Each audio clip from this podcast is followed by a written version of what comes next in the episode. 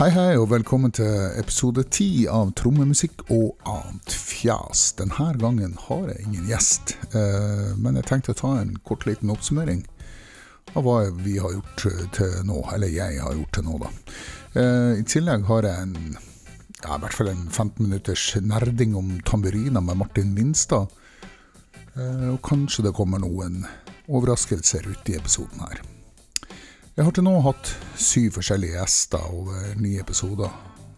Jeg merker at eh, det å dele samtalene som jeg gjorde med to av eh, gjestene, over to episoder, ikke var så lurt. Eh, jeg ser at andre podkaster så er det heller ingen som gjør det så veldig ofte. Noen ganger, kanskje. Så jeg fant ut at det var gunstigere å lage litt lengre episoder. Men uansett så setter jeg veldig stor pris på tilbakemelding fra dere der ute. Eh, så det er bare å melde fra på Facebook-sida til Tromme musikk og annet fjas. Eventuelt på min eh, personlige Facebook-side. Eller send en messenger eller whatever. Eller ta tak i meg når dere ser meg ute på byen og røsker meg i håret og sier at eh, faen, det her holder ikke, gutt. Ja, ikke gjør det.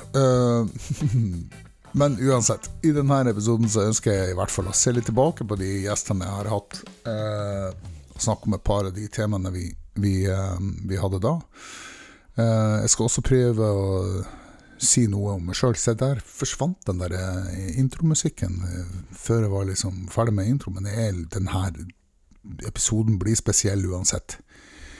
Så jeg tror bare jeg legger noe kul bassing i bakgrunnen her, så kan vi så kan på en måte bare føle at vi er på en, en eller annen bassklubb, en jazzklubb, kanskje. Ja. Um, men så skal jeg også prøve å si litt om meg sjøl, da. For det er sikkert mange av dere som kanskje ikke veit hvem jeg er, egentlig. Ja.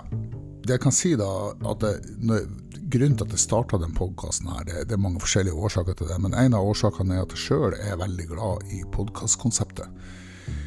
Jeg liker å høre på forskjellige podkaster, f.eks. når jeg går tur med bikkja mine, eller, ja, eller bare sitter på bussen eller tog eller fly eller hva som helst. Og da hører jeg um, på alt mulig rart, egentlig. Alt fra flypod til fotballklubben med Alexander Schou og, og uh, Alt du sier er feil, Espen med Espen Thoresen. Hele historien på NRK. Working Drummer, Dolly Partons America. Og mye, mye sånn true crime og sånn som Orderud og sånn, sånn, sånne ting. Det syns jeg er veldig snasent.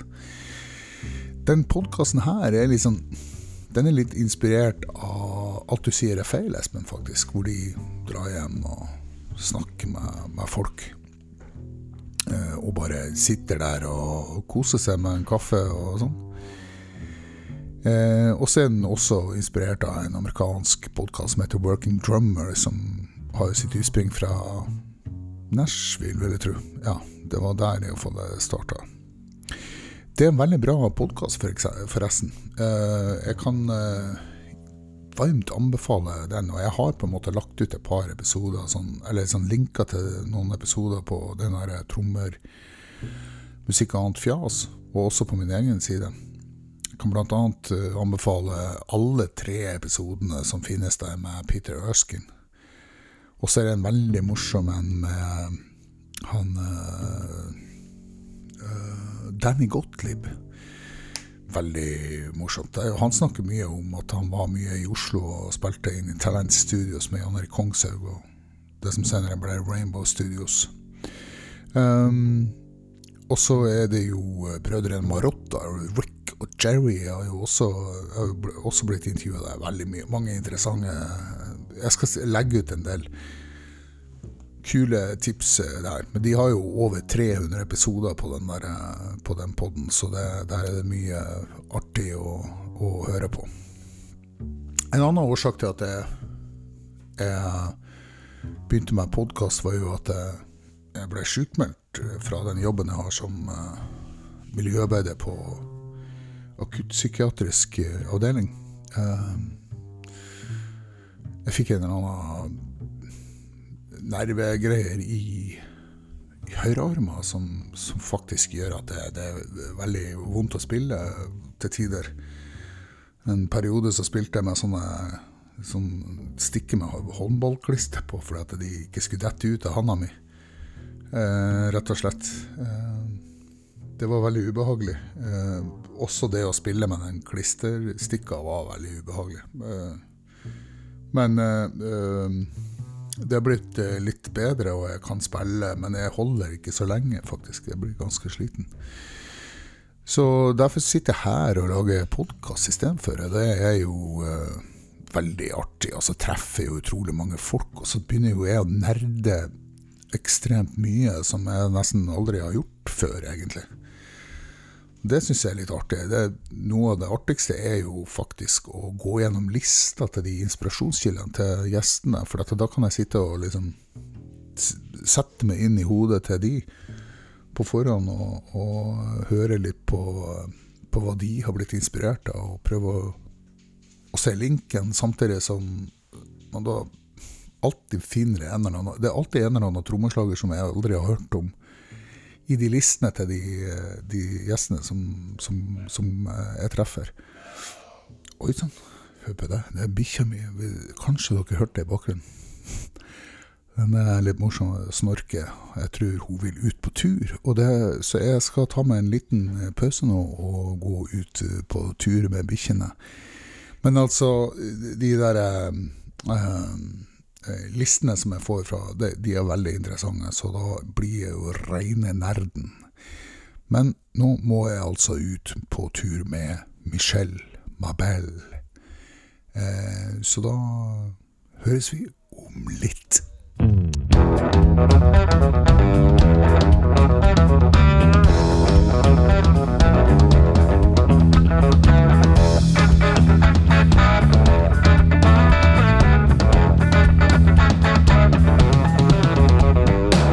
Ja, da var jeg tilbake fra tur.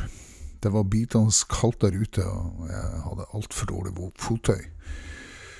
Så vi forta oss rundt den runden vår. Eh, men jeg skulle altså si litt om meg sjøl. Eh, det er alltid veldig vanskelig. Men jeg får gjøre et forsøk, da. Eh, ja, jeg er fra Nord-Norge. Det har dere vel skjønt. Jeg er fra en liten industriplass som heter Mosjøen. Og der vokste jeg opp i et hus som lå ja, sånn ca. 100 meter i luftlinje fra jernbanelinja, så jeg fikk liksom trendgruve inn med morsmelka, for å si det sånn. Um, jeg ble tidlig interessert i trommer, men samtidig, omtrent samtidig som jeg fikk mitt første trommesett, så uh, ble jeg bitt av uh, teaterbasillen. Så jeg ble med i det lokale teaterlaget Noll spilte flere lokalrevyer og var ja, jeg tror i åttende klassen så sto jeg på scenen i mamma sin sommerkjole med ravkjede rundt halsen og vrikka på ræva og var gulliga i ren. Gull, gull, gull, gulliga i ren, du som har så fula ben. Ja, det var tider, det. I hvert fall så ble det ikke så mye trommespill som jeg hadde liksom forestilt meg da jeg starta med det. Men eh, jeg drev nå på med det også, da. En, lite grann. Spilte inn noen småband og sånn. Men så kom jeg da inn på Romerike folkehøgskole, som i utgangspunktet er teater... Ja, teaterskole, eller sånn for, forløper til teaterskolen, da. Eh, og da gikk jeg på teaterlinja og hadde to hovedroller, faktisk. Den ene var jo en musikal. 'Tommy of the Who', hvor jeg sang faren til Tommy, blant annet. Eh, men samtidig der så eh, traff jeg en gitarist som heter Bjørn Øyvind Bugge, en fyr fra Kristiansund, som jeg faktisk spiller med den dag i dag. Og eh, vi starta et uh, vanguard jazzband som hadde kjempeambisjoner, som nok ja, ble litt uh, dempa. Så vi fant ut at det kanskje ikke var så mye å tjene på der. Eh, men så tok det ene det andre, og jeg havna i siviltjeneste. Og under siviltjenesten så spilte jeg på en pub i Oslo som heter Georges, hvor jeg gikk ganske hard skole hos Andy Nesblom og Ernst Nicolaisen og RC Finnigan og den gjengen. Og samtidig Eirik Sivertsen, som jo faktisk er en uh, barndomsvenn av meg fra Mosjøen. Vi starta et band som begynte å spille mye på smuget, og vi ble nesten oppdaga av Toto. Det er faktisk en sann historie. Litt morsom, men uh, den skal jeg ta en, uh, ved en senere anledning.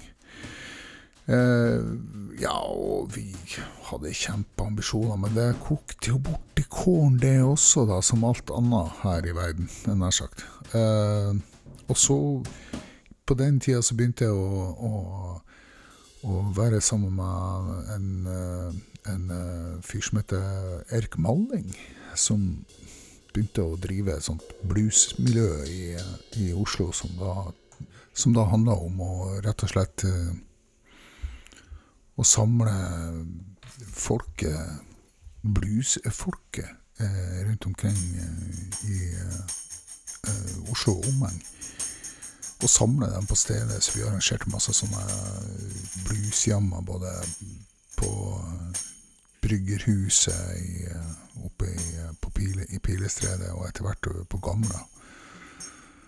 Og eh, der på Gamla så begynte vi å Ja.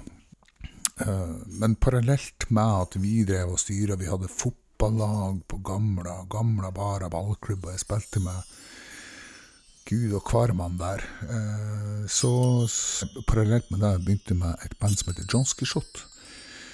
Som jo er noe av det jeg faktisk kan lytte på den dag i dag. Eh, vi ga ut eh, fem, nei seks kritikerroste album, og vi turnerte faktisk en del i Russland.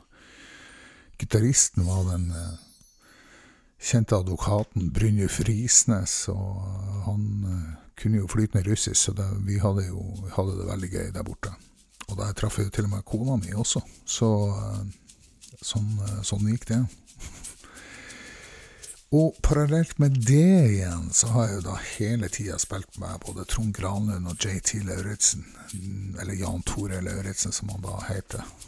Uh, han uh, har jeg vært rundt omkring i hele verden med. Og det har vært veldig gøy. Og i den forbindelse så har vi også spilt med veldig mange folk, amerikanere, som vi har dratt hit. Og Mike Seat og Curtis Salgado og Jimmy Carpenter. Og vi spilte med han derre Han derre uh, Også den der hukommelsen min igjen, da. Han uh, Earl King, faktisk. I, uh, på Hell Blues for lenge siden. Uh, ja, og vi, vi, har spilt med fryktelig mange sånne Kid Ramos og, og han der fra Manish Boys og Bobby Jones heter han. Så vi har bare hatt det utrolig gøy sammen med Jan Tore rundt omkring i hele verden. Og en av de, var, som jeg nevnte nå i den uh, rekka her, er jo Curtis Salgado.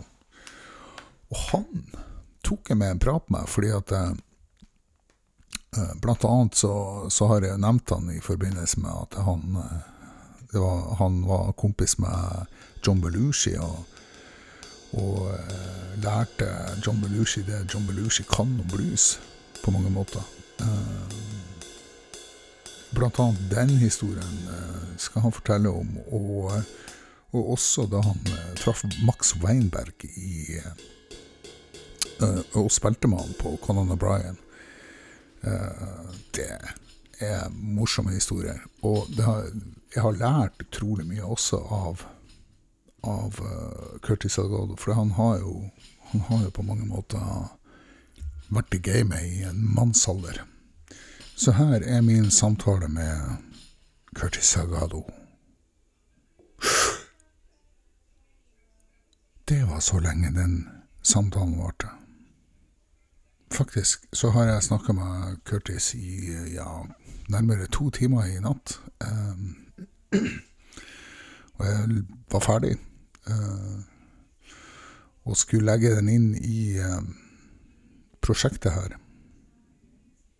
Og til min store forskrekkelse ser jeg at det var bare et sekund av den samtalen som var blitt lagra på tape. Um, så jeg følte meg jo som han der Som han i uh, NRK som skulle intervjue Jo Nesbø, og hadde det beste intervjuet han noensinne hadde gjort. Og så viser det seg at han hadde glemt å slå på rekorden. Der var jeg i natt. Så det betyr at jeg ikke får gjort det før på mandag, så tenkte jeg at jeg allikevel da skulle gi dere litt eh, podkast og kose dere med på søndagen.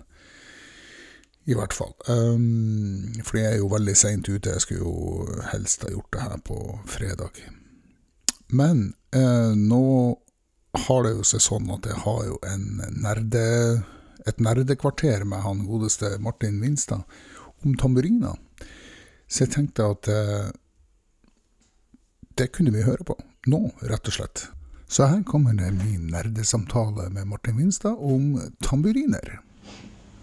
Ja, eh, altså fordi, fordi at det, tamburiner, ikke sant mm.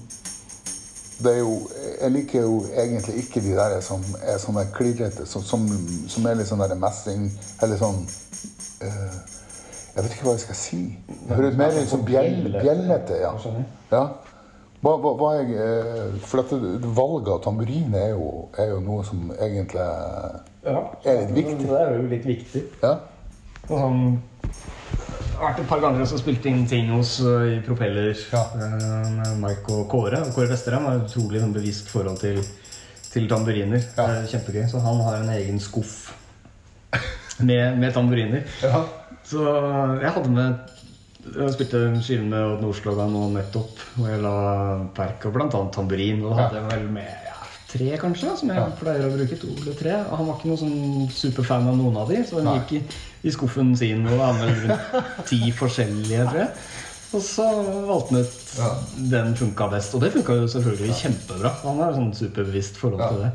Det. Det går litt på sånn pitch og sustain og sånt, så det var en som var ganske mørk og kort. Men, men er det tamburin uten skinn? Altså vanlig det er uten skinn, ja. håndholdt tamburin, liksom? Ja. Mens jeg er ikke sånn Altså, jeg har én tamburin jeg liker. En sånn LP-type tamburin fra LP. Ja. En som heter Cyclops eller noe sånt. Som er sånn 300-400 kroners. Ja. Som jeg har to eller tre forskjellige av. For de, de, har bare sånn bitte litt forskjellig pitch. Men det ja. syns jeg liksom er den ultimate tamburin, så den bruker jeg alltid. Og i 95% av tilfellene så liker produsenter det også. Ja. Så egentlig sånn bare to typer sånne tamburiner. Har liksom en som er en sånn LP som er eh, ganske sånn eh, ja, allround og bare låter veldig fint. Mm. Og så har jeg en sånn annen LP som er veldig sånn bjellete. Ja. Med doble ja, Som er dobbel. Ja. Og med sånne Med sånn brass eh, Med sånn brasstamburin. Men den er fantastisk fin når du holder den rett opp. Så for å spille sånn lange Hvis du tenker sånn ja. tambourine tail på fireren, sånn ja. Og da låter den nesten som ferdig klanga. Ballade, som ballade ja, Den låter helt sånn fantastisk fint aleine. Du trenger ikke klangene eller noen ting. Nei. Så det, det, bruker jeg en sånn med sånn bjellete ja, ja, ja, men det er jeg enig i. Så, men det er kun de to nesten typene tamburin jeg bruker i, i, studio som regel. Altså. Ja, for jeg liker Jeg har en sånn der eh, fra Jeg lurer på om det er Mine som har den som jeg har. Uh, eller Toga, kanskje veldig usikker nå. Men det kan jeg finne ut når jeg kommer hjem. Mm. uh, men den har skinn, da. Mm. Og, og, for jeg er litt sånn glad i å av og til få den der veldig sånn korte og, og den smeller når du tar fingrene ja. sånn bang i skinnet på, på fireren. liksom. Ja. Jeg sa litt feil. Jeg bruker jo det også. Jeg har tamburin med skinn, og det bruker ja. jeg også ja. til noen ting. Ja. Når det skal være litt mer soul eller gospel-ting, så bruker jeg det til å spille sånn måte av en tamburin eller sånn Ja, for han Benjamin uh, Han i uh, The Funk Brothers Ja, Jack Ashford spilte tamburinen der. Og var det han der? Ben Benjamin var tromme, en av de trommeslagerne. Jeg trodde det var han Benjamin som var ja, er Jack, Jack Ashford ja. som er slags band, bandleder. Ja, for han er så utrolig, og har, Du har jo også den veldig bra teknikken med at du uh, bruker håndleddet. Ja. It's all in the wrist, sier jeg bare. Ja. Det er um, Jack Ashford. Altså, det er jo liksom tidenes beste tamburinspiller. Ja. Jeg har spilt masse med, med verdens mest fantastiske keyboardist, David, David Wallenrød. Ja, nettopp. Spilt masse med han opp gjennom åra. For mange år siden så, så, nevnte han for da spilte jeg bare vanlig tamburin. Ja. Så sa han liksom Søren, du bør, du bør sjekke ut liksom gospel, gospel og soul-tamburin-greiene. Og sa han ja. Crouch. Ikke sant. Og jeg var bare, det var ikke inne i det hele tatt. Jeg hadde ikke peiling. Kunne ikke det, Så tenkte jeg ja, får gjøre det. Så brukte jeg litt lang tid, og så har jeg begynt å sjekke det ut. Jeg, ikke, jeg spiller ikke akkurat samme teknikk som, som Sandra og, og de gospel-damene, fordi de vrir de spiller litt mer sånn nedover. Ja, nettopp. Men isteden så, så kjøpte jeg jo den DVD-en tilfeldigvis. Den uh, 'Standing in the Shadows of Motown'. Den ja. om Funk Brothers. Ja, ja, ja. Og da så jeg Jack Ashford spille tamburin. Tenkte jeg, her må jeg prøve å gjøre. Så det jeg har gjort, er liksom rett og slett bare se, se den filmen. Litt sånn frame for frame. Hvordan han beveger. Ja. Og så har jeg prøvd å kopiere det. Så det er liksom en av de få tinga som jeg har liksom lært meg litt mer sånn i voksen alder. ja, for er det han som står midt der og så setter i gang ja. gruven når han ene spiller på et gult sett, og, ja, og så setter han i gang trommeslageren? Han var litt sånn bandleder og spilte ja. vibrafon og, og først og fremst tamburin, da. Ja, for han setter i gang en Ural først, da. Ja. Ural Herer. Og så kommer han eh, Benjamin inn, da. Mm. Ja. Og så spiller de Og, og, og, og så og så sier han sånn Og så legger jeg på litt av det her. Og det er hans signaturbit. Ja, så bare svinger den her. Det er helt vanvittig. Så han spilte på alle, alle Motown-tingene. Og ikke minst kanskje verdens beste tamburinlåt uh, War med Edwin Starr. Du kjenner sikkert War med, Springsteen. Ja, eller uh, hun uh, Hun Hva heter hun Hva Faen, er hun heter Det er ikke den, men hun Skinner og kommer. Nei. Du, det veit jeg ikke. Det er godt mulig. Den er ganske kjent med Springsteen. Men det er jo Edwin Starr som har den opprinnelig. Der spiller Jack Ashford ja. historiens beste tamburin. Ser du det? Ja, det må sjekkes ut. Ja. Okay. Det må dere. Fantastisk eh, bra. Ja. ja for at det, det, det, tamburin er sånn der altså, jeg, jeg mener at tamburin er jo, er jo et fantastisk instrument. Altså, det, ja, det, det fins jo ikke en Beatles-låt uten en tamburin. Nei. Ikke sant? Og det, det låter og, og, og, sånn som jeg la en, en tamburin gjennom hele den der låta, som ligger hjemme på, på prosjektet mitt på, på Cubase, mm. på den countrylåta jeg akkurat spilte for deg. Uh, og så uh, Jeg la den på verset bare, bare, fra A til Å, bare sånn for å høre hvor det var, hvor det passa og sånn. Og hvis du bare legger den sånn akkurat, drar den ned i volum, så du bare så vidt hører den, så låter det jo så tøft. ikke sant? Du, du, du, aner at det er noe der, men hva er det? Det låter egentlig litt fett. Men hva er det? Man bruker det, som, det så mye sånn sånn tekstur til å liksom ja. blande med, med, skarpen på 2-4. Altså, ja. Det har så mye å si. Og liksom du kan forme skarplyden så mye bare med volumet av tamburinen, som spiller det samme. Jeg har jo en sånn derre Eh, fett eh, Hva heter det der? der ja, Big Fat Snare Big Fat Snare mm. med, med tamburin på. Ja. Mm. Som jeg bruker faktisk i studio. Det jeg brukt på, på en av låtene på forrige skive med Jan Tore. Mm. Det ble veldig fint. Men da med uten seide. Ja, da var på en måte eh, tamburinen seide, liksom. Hvis du skjønner. Mm. mm. Nei, tamburin er, er, veldig gøy, altså. Men spesielt sånn som jeg prøvde å plukke opp av han Jack Ashford, det er jo liksom Uh, han hadde liksom den måten å spille på som gjør at du Altså Ofte spiller du liksom enten åttende ritt ja. eller sekstende ritt. Ja. Ja. Og så er det ikke noe imellom. Men det han han sjøfler jo, rett og slett. Ja, ja han kan Svinge det på en måte. Ja, men han kan spille liksom Han kan spille rett eller sjøfla, men han spiller liksom Ja, det er akkurat det. Ja, for, ja, ja, det er riktig. Alle liksom underdelingene. Det er akkurat som han, han, han Bevegelsene hans er nesten som et sånt åttetall mm. som går opp og ned. Og så treffer han på treffer han på, på to og fire på, med, med, med venstrehånda. Du spiller liksom For du tar istedenfor å liksom ha strak arm Ja. og riste fram tilbake, så bruker du håndleddet og vrir. Ja. Og så har du aksangene med venstrehånda. ja, så Derfor så treffer du også på ågen. Og, Så du kan treffe på ågen og- Ja, nettopp. Det er akkurat det. Mm. Så er det er hvor liksom du er hen i Ja.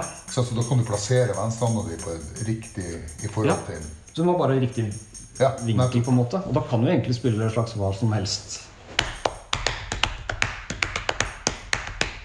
Ja. Ikke sant? Istedenfor bare Ja, nettopp. som man jo gjerne gjør. Ja. Akkurat, ja. Jeg får nok ikke til det med den armen jeg har. Nei. Det, er det, det er jævlig kjipt. Altså. Kanskje jeg skal prøve med venstre? Nei, men da får jeg ikke den. Nei, det blir bare tull. Men jeg har et annet problem, da. Det er at jeg faktisk ikke kan vri hånda mi. Eh, Det har jeg aldri kunnet. Jeg er født sånn. Så jeg Ellers hadde jeg spilt gitar, vet du. Så derfor spiller jeg trommer. Så jeg kan ikke vri Så jeg får ikke vridd men, eh, men ikke sant, jeg kan jo vri den veien og så bare spille sånn. Ikke sant? Ja. For Sånn det er sånn de gospel, eh, Ja. gospelfolket gjør sånn. De, ja, Ja. de har den. Det har ikke jeg Jeg har spilt mer oppreist. Ja. som andre Nei, det, det, det ville sannsynligvis vært naturlig for meg. da. Mm. Sånn Rock Crouch og sånn spiller jo sånn. Det kunne jo prøve. Bankhold. Sandra Crouch, ja. kona til eh, Andrew Andre Crouch. Så hun Sandra er liksom den største sånn gospel-tamburin. Ja. Ja, for at, eh, fordi at eh, i, i gospelverdenen så er jo tamburin ekstremt viktig. Mm. Og det er jo utrolig Det svinger jo som et kule ikke sant, Ja. for, når det er gjort ordentlig. Stort sett alle sangerne kan jo spille tamburin der. det er liksom en del av pakka. Jeg så han uh, Jarle Bernhoft, nå husker jeg for andre gang, uh, spilte jo uh, tamburin på det der opptaket også. Jarle er fantastisk bra på Ja, tamburin. ja. Han har sin egen teknikk. Han spiller uh, Man tenker liksom én, to, tre, Ja. fire. Men han spiller én, Ja, tre, Det fire. Han spiller utover, altså med en annen. ja. Men dermed så får han utrolig bra sånn på aksenter mot. Men han også. Han, er han er vanvittig bra på tamburin. Utrolig bra groove og, og time, altså. Han er ekstremt bra. han er jo veldig bra på time. da. Ja. Altså, han Vanvittig bra rytmikk, altså. Så han eh, Han er mye bedre enn broren hans. Broren hans er jævlig dårlig. Stemmer det. Ja, Torsdag kveld i dag. ja, Det den er veldig morsom. Det er fantastisk morsomt. Ja, faen, da! Bernhard Bernhoft? var det? Ja, det var Bernhard Bernhoft. Ja, for han må ikke ta Nei, ja. ja, for du må ha veldig time for å gjøre det greiene der. Ja. Det er ikke, det er ikke så fornøyd med trommeslager eller ikke. Det er mange sanger i Jarle er bra. Vi snakka om tidligere Lisa Nilsson. Ja. dødsbra tamburin. Ja. Kjempefin Ja. gru. Ja. Så det viktigste er at liksom, du har en, Nei. har en bra gru. Jeg har jo eh, en eh, Som jeg har truffet mye på der cruiset ute i eh, Karibien, eh, som jeg har vært med meg Jan Tore. da. Han Foy Vance. Ja, ja, ja, ja. Han er jo i Jarle Bernhoft-land. Han, han digger jo Jarle Bernhoft. De kjenner jo hverandre. Altså det, det er viktig for at jeg, da, jeg var med på en sånn YouTube-stafett som eh, Ja. glimrende eh, Lars-Erik Dale, bassist, gjorde, hvor vi la på ting på en låt av Foy Vance. Ja. Og Foy varma opp for Jarle når vi spilte med, i Spektrum med Jarle Bernhoft i 2011, var det vel? Ikke sant? For de var fans av hverandre, og da spilte han et solosett. Oh, gjorde han det? Ja, ja, Ja, for han er jævlig bra, vet du. ja, han er kjempebra. Jeg, jeg så noe sist, med, og da hadde han med seg irsk band. Ja. Og det var, Ja, det er veldig bra. bra. Ja. Det bandet òg. Det er skikkelig bra. altså. Fantastiske gutter. og Jeg traff dem i baren etterpå. Vi var jo og hang litt sammen da. Vi er jo ginger hele gjengen, ikke sant? Litt sånn ginger jeg, vet du. Så da Altså, så Foy og Jarle er fans av hverandre og, Ja, ja. og kjenner hverandre. Så Ja, ja, han er helt fantastisk, han Foy Vance også. Mm. Han, eh, jeg, jeg husker første gangen jeg så han, det var faktisk i 2010. På det første cruiset jeg var på, Ja. på med Delbert. Og da, da, da, spilte han alene. Ja. Da hadde han bare den boksen med seg og, og, gjorde egentlig basically det samme som som, uh, som uh, Bernhoft. Mm. Bare ja. Og jeg syntes det var jævlig tøft. Og så ble jeg litt skuffa neste gang han kom, for da hadde han med seg bare en trommeslager. Bare han og en trommeslager. Det var litt sånn rart. Ja. Uh, men så nå kom han med han samme trommeslager, men med band. Den, ja. mm. Og det var utrolig fint. Ja, han trommeslageren var bare så delikat. Ja, det var fantastisk. Foy Vance, dere der ute. Ja. Foy Vance, check him out. Han er en utrolig bra fyr. Han hadde en hit i Norge, faktisk. Ja. Og den heter han. Jeg husker ikke hva den heter, men jeg hørte, ja, den har gått utrolig mye på. Det var en stor P1-hit. Ja, faktisk. Mm. Så, men han er veldig flott, altså. Mm. Så bra. Da har vi snakka om tamburiner. Fikk vi snakka om nerder om det. det. Det er bra, for det kommer til å ta Det var 15 minutter med, med nerding om tamburin.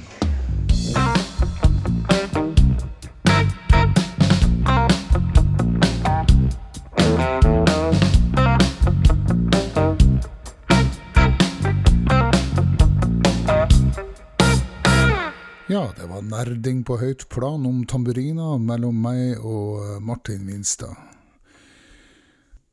Nå tenkte jeg skulle spille et lite outtake fra møtet mitt med Geir Digernes. Det var akkurat da vi hadde Da jeg bare skrudde på rekorden, så satt vi der og prata, jeg og han og to yngre ansatte like før stengetid. Og vi kommer til å snakke om noen som kanskje ikke er så nerdete som det jeg og Martin var i stad, men de er, de er, veldig nerdete på det som kommer ut av instrumentet deres, men de er ikke så nerdete på det som eh, har med ting og tang og utstyr å gjøre. Jeg tenkte vi kunne høre litt på den. Det starter litt sånn Skjønner ikke helt hva Geir sier, men jeg tror han sier at Kim Hofstad kom inn med ei skarptromme og klaga på at det ikke var noe særlig lyd i den, sa bare pling plong. Eh, ja, så kan dere jo høre. Ja, han har spilt på rockeren likevel, så du kan komme innom og ta en titt på den. så stikker innom der, altså. Ja, Finn har vi satt på et ambassadørskinn under på Det er ikke akkurat Du kødder? Sier du det? Nei, kødder du? Når, hvor tid var det? Oh, det var de sound da på Det Måtte være 2000 og åtte, kanskje. Så han er, han er, ikke så opptatt av Rett før breakup, den bad breakupen var. Det høres ut som en sånn fyr som er, Han er jo jævlig bra, ikke sant? Ja, ja. Men uh, det høres ut som han er langt, langt ifra nerd. Langt ifra nerd. Helt sikkert. Han liksom driter i han, Det er ikke liksom han som lager lyden. Litt som Vidar Busk. Ja, litt sånn. Jeg har spilt på han og du òg, ikke sant? Hva? Du har spilt med Vidar, du òg? Ja, ja, ja. Husker første gang jeg kom på jobb med han. Så, ja, ja. så ser jeg liksom på, på scenen ligger en haug med effektpedaler med ja, masse gaffateip. Ja, han kommer jo med en plastpose. Med en kiwipose. Han kom altså med forsterkeren i en trillevogn, sånn der ja. handlevogn, vet du. Ja, ja, ja. Kim og Torstein spilte av Silja-greiene. De visste jo så vidt hva som var spilt på. Nei, jeg tror det bare tok noen. Ja, det er utrolig. Det er sånn, den approachen der er det mange som har, da. I, I, miljøet, som du skulle tro liksom var veldig sånn uh, nerdete og kunne Det var deilig å ha den approachen, og folk å funke. Ja. Så der, jeg kan nevne noen navn som jeg ikke trenger egentlig, men som har gått veldig gratis gjennom hele sin karriere da, på utstyrsfronten, men som ikke har noen. Og det har jeg fått for dette. jeg har absolutt ingen behov etter jeg har fått det utstyret. Nei, ikke sant. Det kommer ikke å Men det jeg tenkte på når jeg snakka om Vidar Bustad, det var jo at eh, Vet du hvem Vidar er? Ja, ja. Han, eh, han Det var så jævlig vanskelig å få tak i ham. Jeg var på 90-tallet. På begynnelsen av 90-tallet. Det var utrolig vanskelig å få tak i ham. Ja.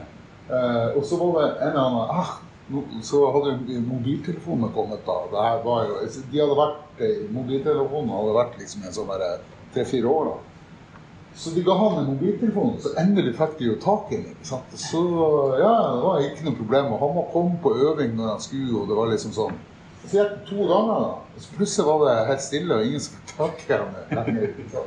Så gikk, dro de hjem til ham, og da hadde han jo kasta mobilen, da, for at den virka ikke lenger. Tom for strøm? Ja. Tom for strøm. Så jeg fikk den historien der Det, det, det, altså, det er faktisk sant. Ja, jeg fikk den historien der eh, altså når han kasta den. Jeg Ja. en historie om når han kasta den. Ja, ja, Da var vi på turné nedover Sørlandet Ja. med Elvis-showet. Det første utgaven av det. Oh, ja, Da var jeg på turnébussen der, og da fortalte om det var Paul, eller om det var Steven, eller en eller annen eh, Nei, det var han Carlsen som han ja han fiolisten. Nei. Nei. Hva? Eh, Kjell, nei, Leif Carlsen heter han, tror jeg. Han henger rundt dette her i Grenland-miljøet. Oh, ja, ok, ja. sånn. Han er alltid liksom med på alle turer og sånn, og tar fotograf okay. Ja. og tjenester. Sånn. Tar masse bilder og sånn. da. Ja. Han har alltid hengt rundt videre. Han fortalte det at vi, altså, han satt, telefonen ringte, han satt i bilen. Han, Karl, han Karlsen kjørte. Og vi hadde tatt telefonen, så det var ikke noe lyd igjen. Så bare det det vinduet, og så kasta han den ut. i vinduet.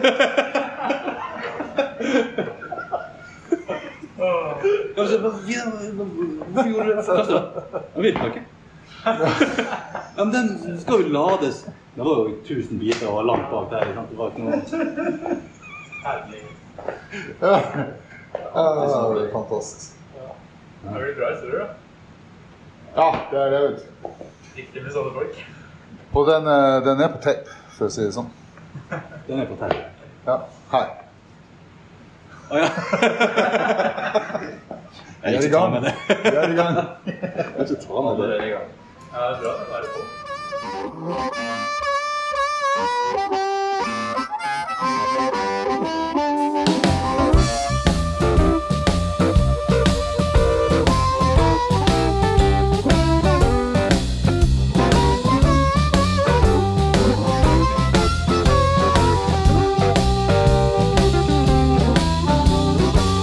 Everyday baby. Ja, det var jo to artige historier om eh, to av eh, Norges fremste musikere på sine respektive instrumenter, vil jeg tørre å påstå. Nå skal vi over på en annen liten luring som var den andre gjesten jeg var hos, nemlig Per Eriksen. Der måtte jeg også fjerne en del, fordi vi snakka så utrolig lenge.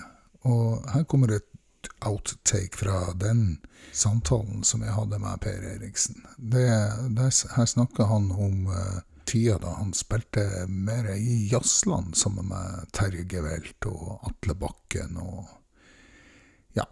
Dere får høre sjøl, det er ganske koselig. Wow. Men så kult! Ja da. Nei, så, så liksom, så da, men så du veit åssen det er med sånne band, og så går det jo til helvete, da. Ja. Selv om vi liksom var liksom i støtet noe alvorlig. Men det, det som er Det her kommer jo sikkert senere, men, men eh, det som jeg på en måte har merka meg, er jo at du har jo du har jo vokst opp og spilt med Atle Bakken og Terje Gevelt, og Ja, ja. sånn, som er jo svære jazznavn i, i Norge. Ja, ja. Og, det jo, eh, og du har liksom hatt med deg Nils Petter Molvær og Tore Brunborg og de gutta. Arve Henriksen. Ja. Ja. ja, sier du Ja, det? ja. Ja, ja, ja. Ja. Men jeg tenker eh, Ja, for at eh, Det er på de soloskivene mine, da. Ja, det vet jeg. Mm. Eh, men du hadde jo et band med Atle Bakken og, Ja. og Gevelt. Bakken Eriksen Gevelt Fusion. Nettopp. Det høres utrolig ut. Gevelt på fretless fedre. Oh, ja, ja. Og Atle hadde jo han hadde, Når var det her? Oh, når var det? ja? Det var vel i Skal vi se, jeg kom hjem fra Amerika i 79-80, tenker jeg. Ja. Noe sånt noe. Og da spilla vi inn en låt på ei, på ei plate som het Sandefjordsplaten. Ja. Og så Jeg har en bekjent som er, eh, som er DJ. Og han er jo 30 år yngre enn meg. da. Og så forteller han meg liksom at eh, den låta som dere spilte inn på den eh, plata, den er liksom veldig sånn hot, den. Hæ, se. Ja, hva, er det? Ja, ja, det var, oh, ja. ja, det er jo morsomt å høre. Men eh, Ja, for at eh, eh, Skal vi se eh, Atle han begynte jo å spille med, med Alex han vet du, på den tida der. Ja, riktig. Og så begynte han med Eberson Group. Ja, Og så da flytta jo han til Oslo, liksom. Og, ja riktig. og Gevelt han begynte på Berkeley. Ja. For han måtte ha utdannelse, ellers så syntes ikke mora og faren hans at det var noe stas. Såpass. Ja, så, så Terje fikk jo flott utdannelse. Han gikk jo hos Ray Brown og Han, han jeg husker jo at han hadde et sånt Jeg, jeg vet ikke hvor jeg kom over det, men eh, han traff jo Jakob Astorius på ja, ja. Sardins eller på Klubb 7. Ja, han var jo intervjua han i New York og sånn. Ja, nettopp. Ja. Og han tok jo masse timer av han. Ja. Ja, men det, det, det gjorde han. Han var han, Eller masse. Han tok en god del timer hos Jakob Astorius, i hvert fall. Ja. ja da, han fortalte meg om, om det og det. Han han syntes det, jeg husker han syntes det var veldig trist å se hvordan han hadde det på slutten. liksom. Ikke sant? Det var liksom, det var, Da snakker vi om å fra, gå fra å være stjerne til å bli ingenting. altså. For jeg har nemlig sett Jakob Astorius ja. eh, i, i, Molde i 83, og ja. det var ikke bra. ikke bra. Nei, Men jeg har sett den med Weather Report et par ganger, og det var i hvert fall bra. det kan jeg love deg. Ja, det var sjukt. Det var, det var tøft, altså. Ja, var det med Erskine? Ja. ja, riktig. Det var, Eller var det med det var ikke Alex Acuna? Uh, nei. Da hadde de med en Jeg tror han het Bobby Thomas jr. Han spilte congas og sånn. Ja. Ja, fy faen. Men du vet, jeg har alltid elska ja. Joe Savinul, jeg, vet du. Ja. Tenk å, ha, tenk å spille elektriske keyboard, altså få det til å låte så organisk. Ja, nettopp. Det er helt ja, sjukt. vet du. Ja, det er helt utrolig.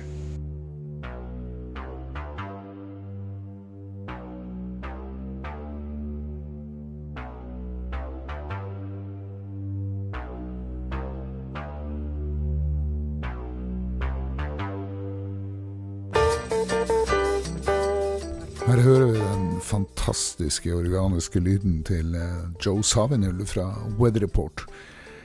Som uh, Per Eriksen er vel, og jeg, er veldig glad i. Uh, det morsomme er at i neste klipp så er det også en liten anekdote i forhold til Joe Savinul som kommer på slutten av neste klipp. Det klippet er med Alexander Pettersen, som var den første gjesten jeg hadde, hvor han snakker om en en veldig bra trommel som heter Panama Francis. Um, og vi hører et lite lydklipp også fra Dian Washington. Og der kommer Joe Savenir inn. Panama Francis. Ja. Eh, kanskje ikke så kjent. Jo, han er ganske kjent. Ja. En sessionmusiker som har spilt på masse ja. plater opp igjennom. Han spiller på en låt som heter It's Magic ja. med, med Diana Washington. Visper. Og det er en ballade. Men å høre hvordan han løser den. Mm. Litt uh, en intro, og så begynner liksom gruvet. Ja. Og det er altså Det er så ballsy måte, syns jeg, da ja. å spille på. Også musikalsk fint. Ja. For han spiller med visper. Oh, ja. Så det er, det er, nesten som en sånn eh, Ikke slapback, men ekko. Han spiller sitt eget slag. Men Hvordan får han til det? Han, han, har jo veldig god kontroll. Da. En slags virvel, veldig kontrollert virvel med visper. Altså, det låter sånn her. Intro først.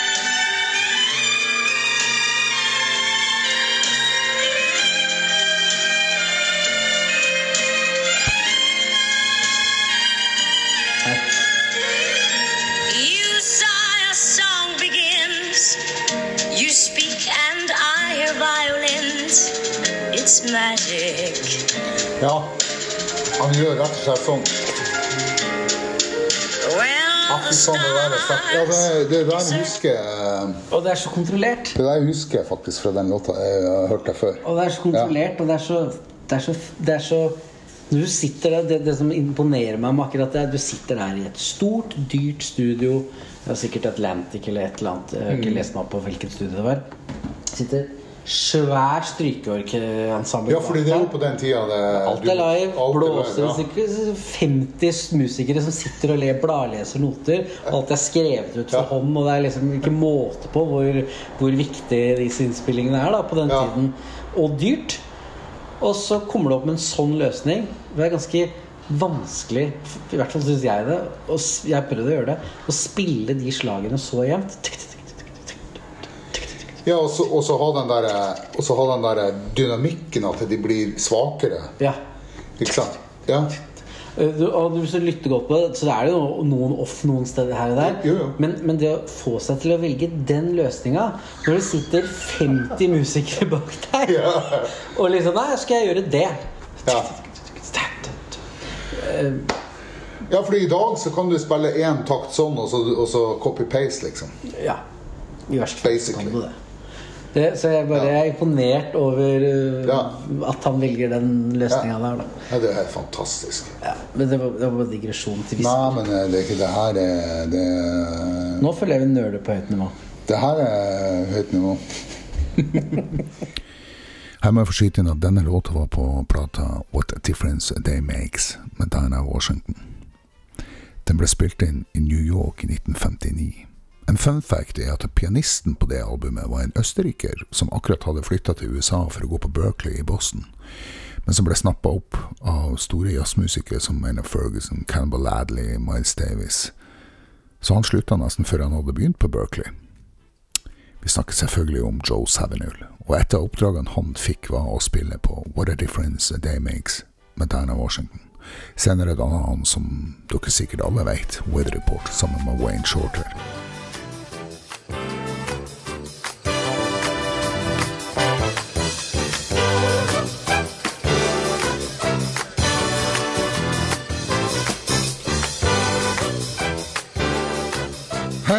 Central Scrutinizer her. Ja, nå har vi hørt noe som vi alle, alle vi som lager og hører på denne podkasten, elsker. Weather Report, og kanskje særlig Jakob Pastorius. Vi har også hørt tilbakeblikk på de to første gjestene. Jeg tenkte at vi skulle avslutte denne episoden med et klipp som sier noe om hvor gal denne bransjen kan være. Og da må jeg tilbake til samtalen med Peter Lundell og hans noe ublide møte med en tidligere geriljasoldat og MC-klubbleder Henki Holm Hansen. Kjør på, Peter! Du, bare, bare, bare tilbake til jeg, jeg, gjorde en jobb med Gille, vet du. Ja. Vet du hvem som kom på på scenen og skulle synge, vet du? Uh, nei, nei, nei. Han, uh, han som skjøt uh, på Å oh, ja, ja. Tore Henke Holm Hansen. Tore Henke Holm Hansen. Ja, ja. Faen, jeg var borte han år, skjønner du. Han, han, han, Steingal, altså. Ja, og han hadde jo ikke peiling i det hele tatt. Nei, nei, nei. han var jo helt ute på time og sånn. Ja, ja, ja, ja. Jeg skal fortelle, jeg skal fortelle en incident med når det gjelder akkurat han. Spilte på, da spilte jeg med et annet band som heter Western Rose. da. Ja, ja, ja. Et dårlig konteband, men vi gjorde jævlig mye jobber. Vi spilte på gamla, og så her kommer Tore Henk om Hansen. Og du merker med en gang når han kommer inn i salen, så skjer det et eller annet med stemningen. Ikke sant? Og, og, og, og, og det skjønner jeg godt, for 14 dager før så hadde han skyte i lokalet. da. Nettopp, ja, ikke sant? Ja, og det var 14 dager før. Ja. Og så kommer han, og alle blir liksom Hva skjer denne gangen? Og jeg kjenner han fra før, for jeg gjorde to låter med han i Wintersands Studio i 85 i, i, i Bergen. Som lydtekniker, eller? Trommeslager. Oh, ja. og, og, så var det Bobby Bears bassist, da. Oh, ja. Som spilte bass den gangen. Jeg gjorde to låter med han. Og så tenkte jeg i pausen så går jeg fram, da. 'Hallo, Tore!' Og han smeller opp en Magnum 44 og kjører rett i panna på meg. Fy faen. Og da skøyt jeg buksa. Jeg bokstavelig talt dreit i buksa. Det var bare Wah! Og så gjorde han sånn klikk. Det var ikke noe kule i, men han trykte av. Hvorfor gjorde han det? Han var sikkert høy. Han var sikkert super-Eiffeltårnet. Ja, det er bare min måte å si hei på. Ja, jeg må gå på do. Sorry. Da hadde jeg allerede driti i buksa, for jeg var pisser. jeg var så redd den der mannen der akkurat da. Altså, når du får en Magnum 44, og så han skyter lokalet 14 dager før, ikke sant? hva tror man? Siste gangen jeg driter i buksa, tenker jeg da. Så gjorde jeg det. Ja. Bokstavelig talt. Ja. Så det var ikke noe gøy å spille resten av den kvelden. Nei. Nei. Jeg skjønner det.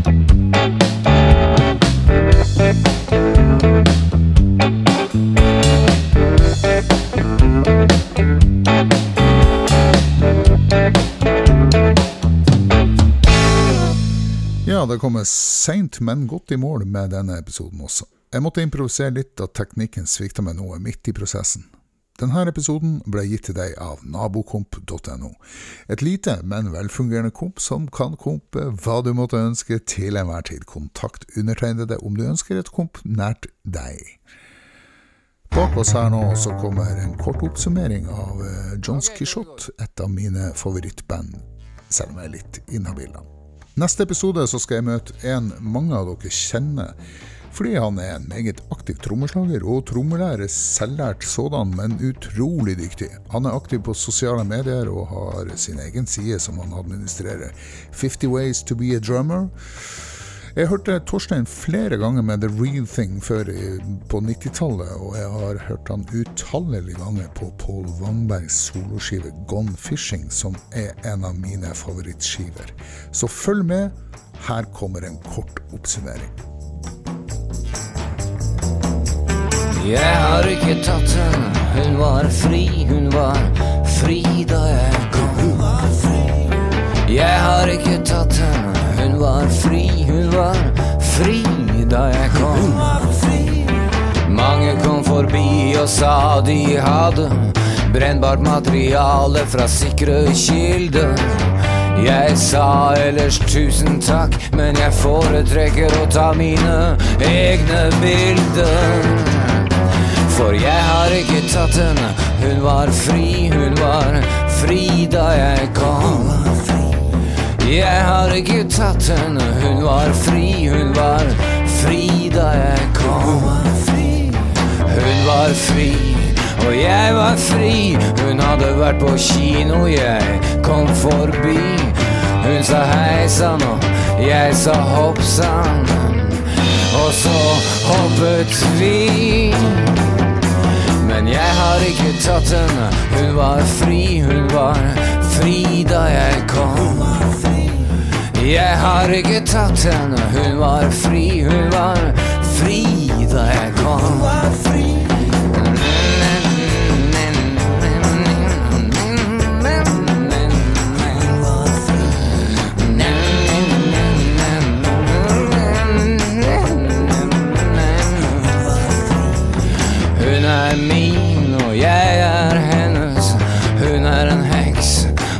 jeg skal brennes.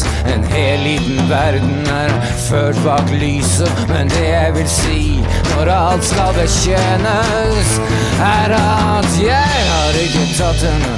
Hun var fri, hun var fri da jeg kom. Jeg har ikke tatt henne, hun var fri, hun var fri da jeg kom. Nei, jeg har ikke tatt henne, hun er fri. Og hun var fri da jeg kom.